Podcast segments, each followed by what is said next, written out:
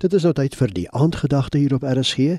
Dit word vanaand aangebied deur Dominee Annika Potas van die Nederduits Hervormde Kerk Montana. Goeienaand.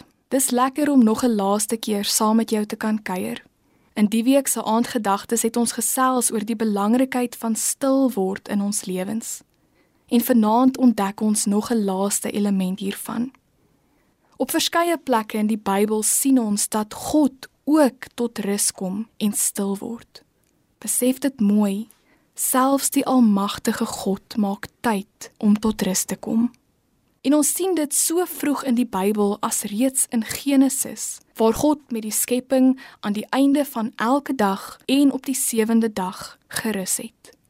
Maar dis nie al wat ons in Genesis met die skepingsverhaal ontdek nie. Hier sien ons ook dat ons in God se beeld geskep is. En om in God se beeld geskep te wees, gee ook aan ons die ingebore vermoë om soos God te kan stop. Om God en God se ritme na te boots, ons werk te staak en tot rus te kom. En wanneer ons vir 'n hele dag of bloot vir 'n paar oomblikke 'n dag net stop, kom ons in voeling en in pas met iets diep binne in ons as draers van God se beeld dis hoe God ons geskep het.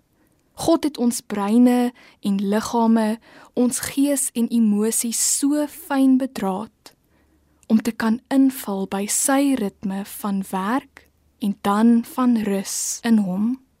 Om te stop het nie die bedoeling om nog stremming te plaas op ons alreeds besige skedules of om nog 'n las op ons skouers te sit nie.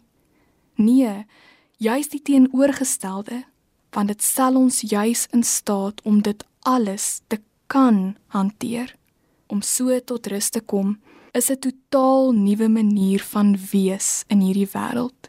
Dis om al ons dae te reoriënteer na 'n totaal nuwe bestemming, na God toe, weg van die gejaag en terug na God se ritme en God se bedoeling met jou lewe.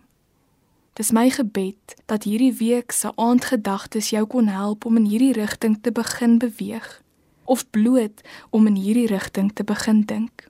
Mag jy eers die tyd vind om dit te begin toepas. Goeienaand en goed gaan tot ons weer saam kuier. Die aandgedagte hier op RSG is aangebied deur Dominee Annika Potas van die Nederduits Hervormde Kerk Montana.